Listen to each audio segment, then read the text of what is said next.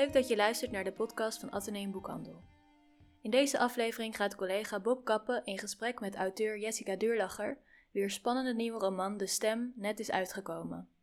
Het is een open gesprek over een geïntensiveerde werkelijkheid, onschuld en dapperheid en personages die je voorttrekken als een hond aan een lijn. En waarom kiezen mensen voor de aantrekkingskracht van het religieuze of juist die van de ratio? We vallen meteen in het gesprek. Duurlacher vertelt over de media-aandacht voor het boek en de inspiratie die Ayaan Hirsi Ali haar bracht. Het interview werd opgenomen bovenin onze boekwinkel aan het Spui, waar die dag hard gewerkt werd aan het plein, maar de stemmen van Bob en Jessica stijgen daar elegant bovenuit. Luister mee!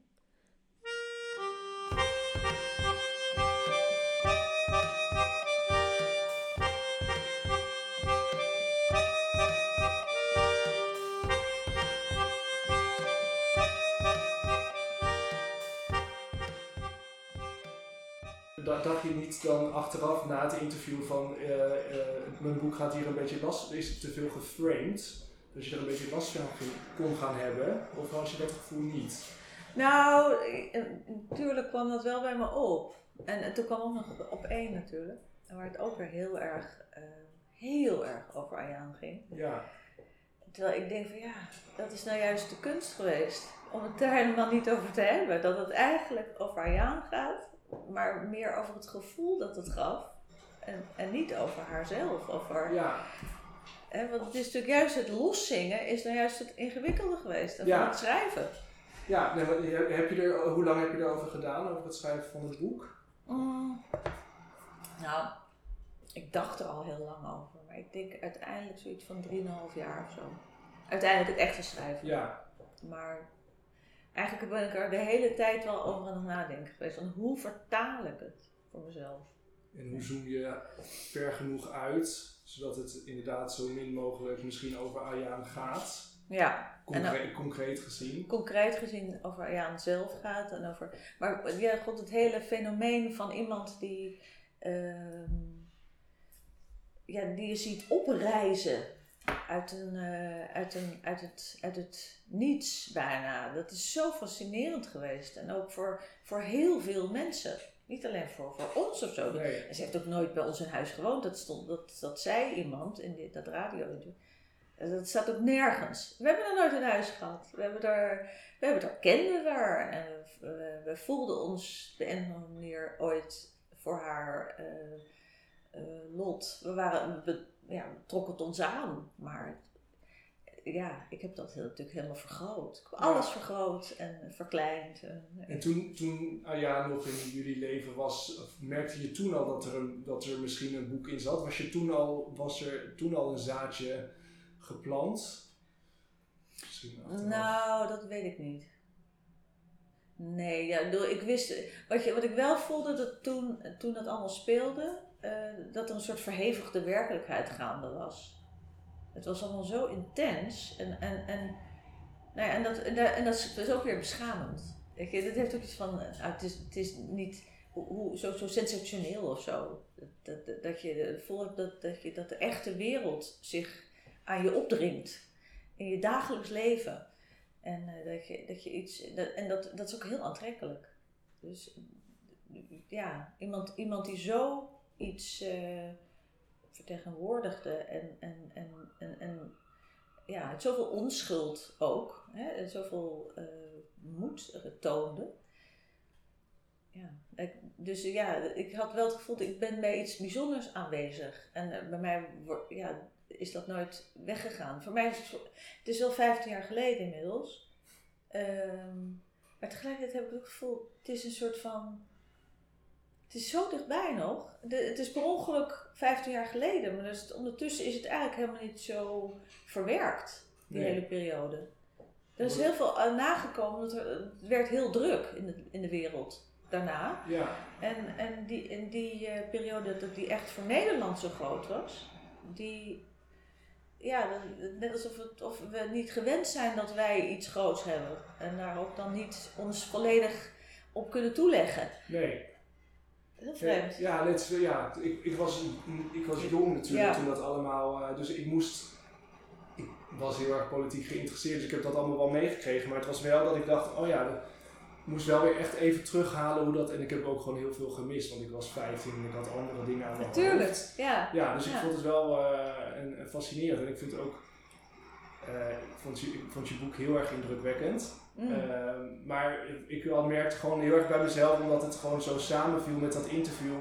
Dat spanningsveld tussen. eh, eh, want aan de ene kant denk ik, het is een roman. En ik ben heel erg vanuit mijn studie ook, maar ook zelf van het idee dat staat allemaal los van de auteur. Of, hè, of als er karakters worden Mhm. opgevoerd. Dat is niet één op één. Maar door het interview merkte ik bij mezelf dat er een soort tweestrijd in mijn hoofd ontstond. Mm. Ehm, en dat vond ik gewoon wel. En ook dat vind ik dan wel weer de kracht van het boek. Dat andere mensen misschien die die tijd wel weer bewust hebben meegemaakt, er toch weer dingen in zien of in lezen. Mm. Eh, andere dingen dan ik of wat jij bedoeld hebt of hebt willen opschrijven. Ehm, maar zou je misschien. Ja? ja. Nee, maar vond je het storend? Vond je dat ik eh, eigenlijk te veel tipjes van sluiers daardoor had, heb opgelicht? Nee, eigenlijk helemaal niet. Ik vond juist wat ik, dat heb ik ook op de radio gezegd, wat ik zo knap vond, dat het een soort, dat je op iedere pagina, eh, los van het interview zeg maar, op iedere pagina gaf je een tipje van de sluier. Het was, ik vond het zo knap gedaan dat je echt bij iedere pagina dacht, die puzzel die wordt steeds completer en completer. Ik heb een bloedhekel aan puzzelen, maar ik vond dit het helemaal het geduld niet voor. Maar ik vond dat zo knap gedaan. En toen Oh ja. ik pas echt op het eind pas eigenlijk het grote plaatje Ja. Eh, zag. Dat vond ik heel knap. En nee, ik vond het interview totaal niet storend. Nee, nee, oké. Ik eh, vond het wel, toen ik eenmaal voor mezelf had bedacht, boek en interview staan echt los. Ja. Dus Ja, precies. prima. Maar dat moet je dan wel doen. Ja. Dat moet je wel kunnen. Want eh, ik bedoel, jij bent natuurlijk wel literair geschoold. En, maar er zijn veel mensen die toch wel heel erg dan gaan zitten zoeken naar, oh, dit is die, Ja. is de. Ga zitten googlen of Ayaan echt mee heeft gedaan in de Ja, talentenjacht. precies. Ja. Het is zo gek. Wat, Ja. Zou je kort kunnen schetsen eh, waar het boek over gaat? Ehm, ja, nou ja, het gaat over een eh, familie natuurlijk. In eh, het begin van het millennium. Die, ze trouwen op een soort whim, gewoon zomaar ineens in New York als ze daar toevallig op vakantie zijn. En ehm, omdat ze eigenlijk alweer naar huis moeten, hebben ze maar heel even tijd. En dan kunnen ze, kan een rabbijn die hun dan de echt gaat verbinden, kan alleen maar 's ochtends vroeg. En eh, dat is dan ook meteen een dag om nooit meer te vergeten, want dat is toevallig 9-11. Dus ze zien het allemaal van buiten, van zeer dichtbij en ze overleven dat eh, met heel veel eh, trauma eigenlijk. En dat is de intro van het boek, en dat is natuurlijk niet voor niks. Het is een soort vooraankondiging van, eh, van, een, van een spanning in hun leven die, eh, die zich gaat uitbetalen in allerlei andere dingen. En dan, ja, dan krijgen ze een oppas. Eigenlijk ook weer een soort van toevallig eh, meisje uit een asielzoekerscentrum. En die, eh, die is moslima. Wat natuurlijk eigenlijk voor die familie helemaal niet voor de hand ligt. Om moslima aan huis te nemen na datgene wat ze hebben meegemaakt. Maar ja, dat doen ze toch, want ze vinden het er bijzonder en mooi. En vervolgens blijkt ze fantastisch te kunnen zingen. En eh, ze gaat dan eh, optreden op de, de toenmalige, in die tijd had je helemaal geen voice. Nee. Eh, je had idols. Ja, En daar, eh, dit is een soort mengsel daarvan. Dat heet De Stem, dat programma waar ze dan aan mee gaat doen. En eh, de, die, dan, dat, dan manifesteert ze zich ineens als afvallige. En vanaf dat moment gaat het boek zijn eigen gang. Want die familie voelt zich genoodzaakt en eigenlijk moreel verplicht. Eh, maar ook een soort liefde voor dat meisje om haar te helpen en haar te laten onderduiken. En dan, wat, daar, wat daar allemaal gebeurt, daar gaat het boek ja, ja, ik vond het heel erg indruk, ook heel erg wel indrukwekkend hoe, hoe zij opgenomen werd eh, in dat gezin als een soort van zelfsprekendheid bijna in eerste instantie. Eh, en dan dat je vervolgens die, die worsteling ziet van met name Zelda, die dan toch bij zichzelf te raden gaat van hoe kan ik dit rijmen met mijn eigen eh, geschiedenis, met mijn eigen gevoel, met mijn eigen denkbeelden. Mhm. Ehm, hoe, was dat, hoe was dat voor jou? Want je hoort, dat, ik vind dat altijd ook iets fascinerends, dat de auteurs wel zeggen dat, dat karakters hun eigen eh, weg gaan. Dat je als schrijver een beetje de, de, de controle verliest over, Mhm. over je karakters. Hoe, eh, is dat, werkt dat voor jou ook zo? Of heb jij echt wel de, de touwtjes stevig in handen tijdens het schrijven? Nou, ik vind eigenlijk de, de touwtjes in handen hebben, vind ik eigenlijk eh, precies slaan op het gevoel dat je niet meer de touwtjes in handen hebt. Echt. Eh, dus dat je echt als een, als een eh, wat, wat, wat verward baasje door je hond wordt voortgesleurd. Ja. En die hond is dan je hoofdpersoon. En in dit geval was dat ook wel een beetje zo. Ik, herken haar en ik herken haar overwegingen. Maar ze is wel een, ze is psychoanalytica en ze is een neuroot van hier tot Tokio natuurlijk. Dus het, dus is wel een verheviging van mezelf. En uh, ja, dat is enorm lustvol om daar je helemaal dan ook aan over te geven. En dat is dan dat, dat getrokken worden Ja, door, die, door die hond. Dat- dat- en, dat, en dat vind ik eigenlijk het ultieme. Als dat gebeurt, dan is het eigenlijk alsof je verbeelding hè, met jou eh, op pad gaat. ja. En had je dat dan met de andere karakters ook? Of was dat toch, eh, had je die wel iets meer, eh, was jij daar dan gewoon het baasje en de Ja, liep achter je aan? eh, Een goede metafoor. Ja. ja.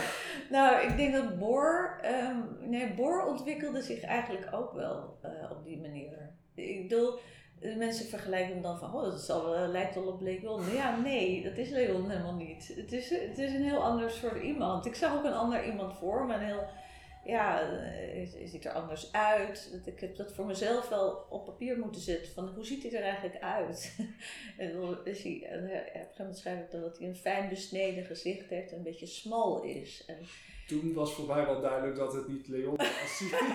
ja, ja, Ja, het is een, het is een voorzichtig. eh, hij, ziet er, ja, hij ziet er veel meer. eh, wordt het Wopke eh, Hoekstra-achtig Oh, ja. uit eigenlijk dan, dan ik eh, aanvankelijk dacht. En, zo. En, eh, en eh, ja, weet je, Bram Moskowitz had ik natuurlijk. eh, nou ja, het is allemaal een soort.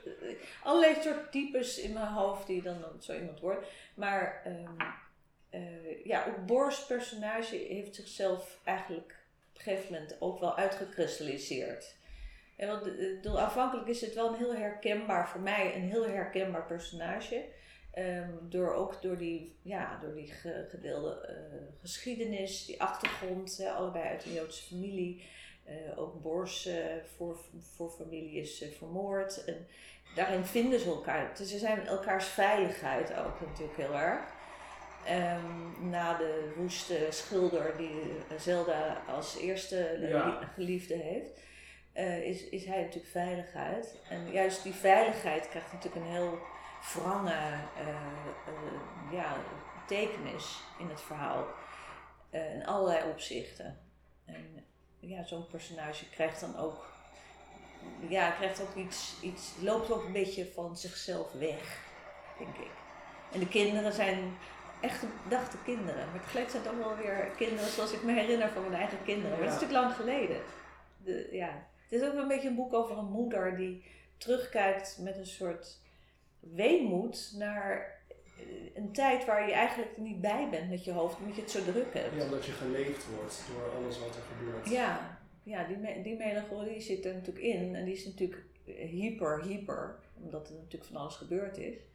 Maar die, ja, de- daar, daar speel ik wel een beetje mee. En hoe ga je dan hoe ga je aan het werk? Want dat, nou ja, over die, die puzzel met die dan echt dat plot gedreven, heb je dat helemaal al uitgedacht van tevoren? En werk je met, met zo'n met zo'n bord en papiertjes en dat de, de- Ja, dat vind ik al heel mooi bij anderen. ja, ik vind dat zo dat ik ja, Met allemaal prikkertjes. ja, en de Ja. kleurtjes en dan verschuiven. En dan heb ik wel eens van die films gezien of dat je in Antonio dat je Arie van der Heijden aan het werk ziet, dat je echt denkt, maar het, hoe dan? Hoe Ja. kun je dat geordend houden? Nou, ik, ik werk niet zo. Nee, ik schrijf het wel uit. Ik schrijf de hele, wat ik allemaal bedacht heb uit. Maar ehm, er zijn natuurlijk zoveel dingen. Je moet altijd van het ene stuk naar het andere. En er gebeuren er natuurlijk onderweg toch weer nieuwe invallen of dingen die. Ja, het is voortdurend kiezen. En ik heb, ik heb denk ik ook misschien ook wel zo lang over gedaan, omdat ik ehm, elke keer eh, met, met veel moeite in, in de groove moest zien te komen van dit verhaal. En, en, en wilde voelen wa- waar het waar ik zelf nu benieuwd naar was. Dat is eigenlijk de enige drive die ik had. Dingen niet vertellen die ik zelf eigenlijk ook nog niet wilde weten. Ik wist ook nog niet alles. Ik wist echt nog niet alles. En waar was je het meest benieuwd naar zelf?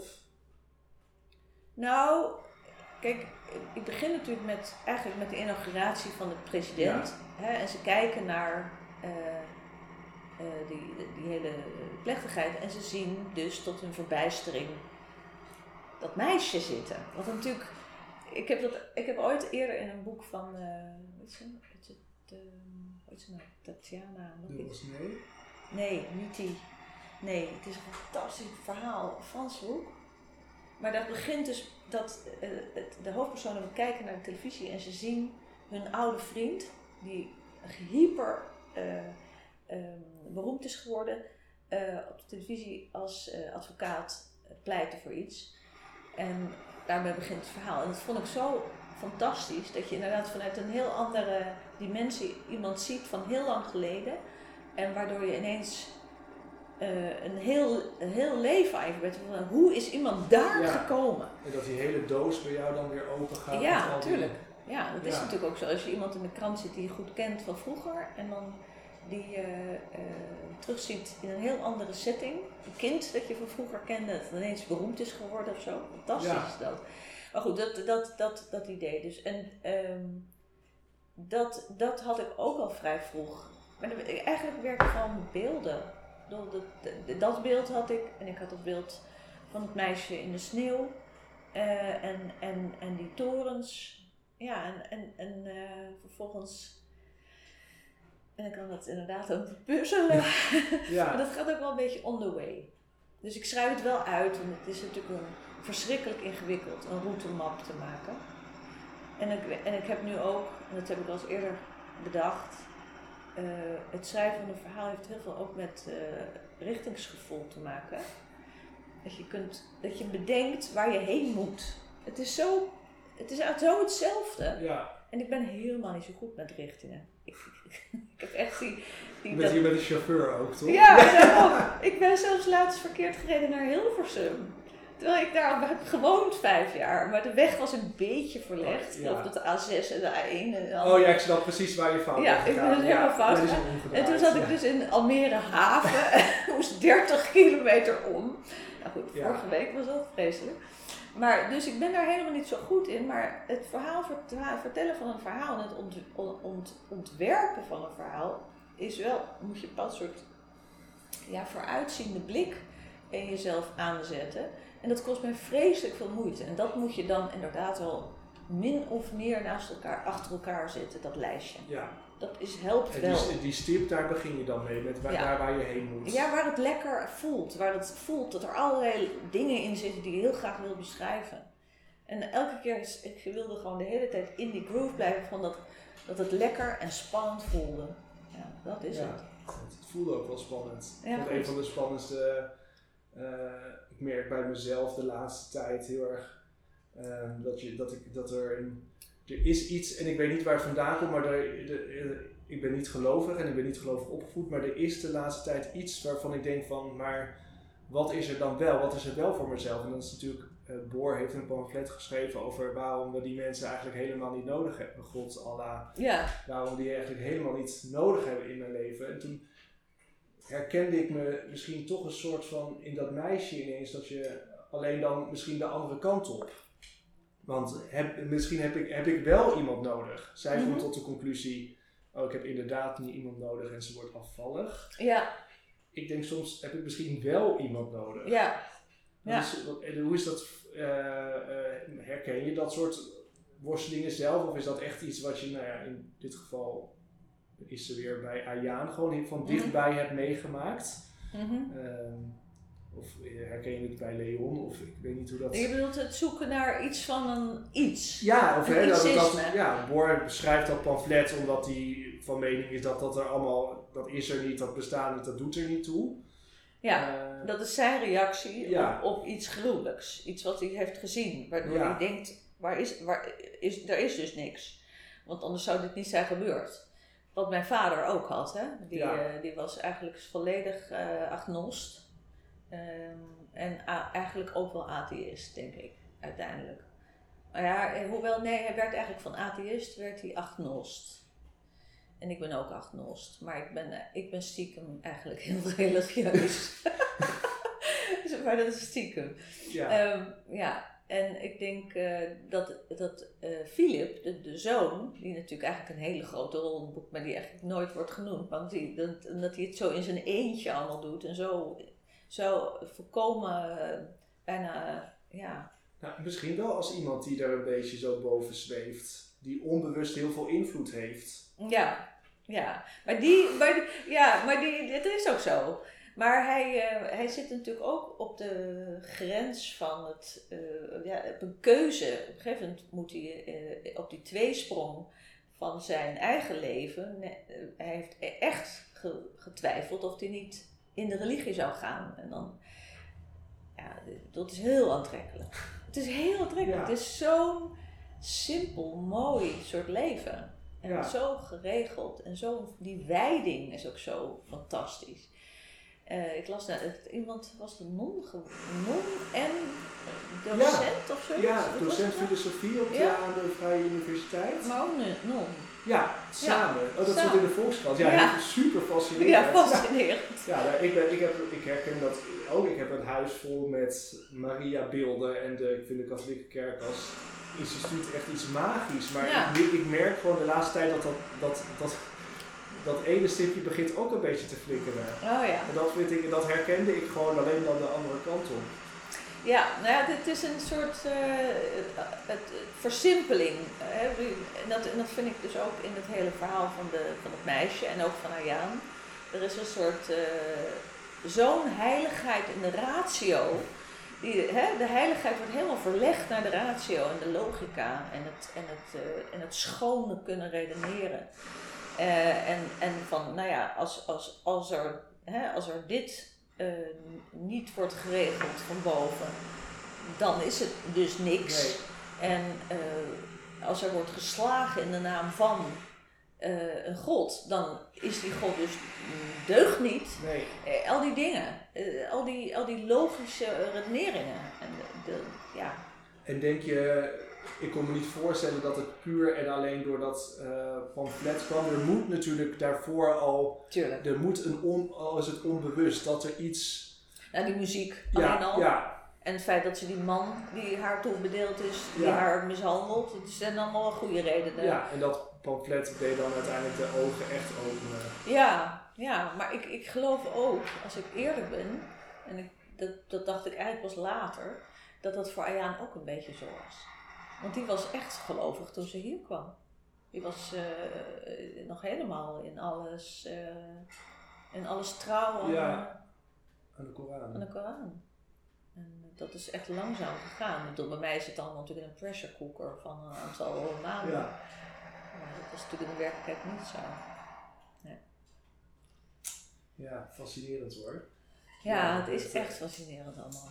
Ik vind echt dat je, eh, je hebt het echt mooi geprobeerd in een romanvorm te vatten. Dat vind ik echt heel knap. nou, Ja, en ik denk dat het voor mij, omdat ik eh, ja, dan, dat ik dat minder bewust heb meegemaakt, dat ik dat toch echt wat meer los kan zien.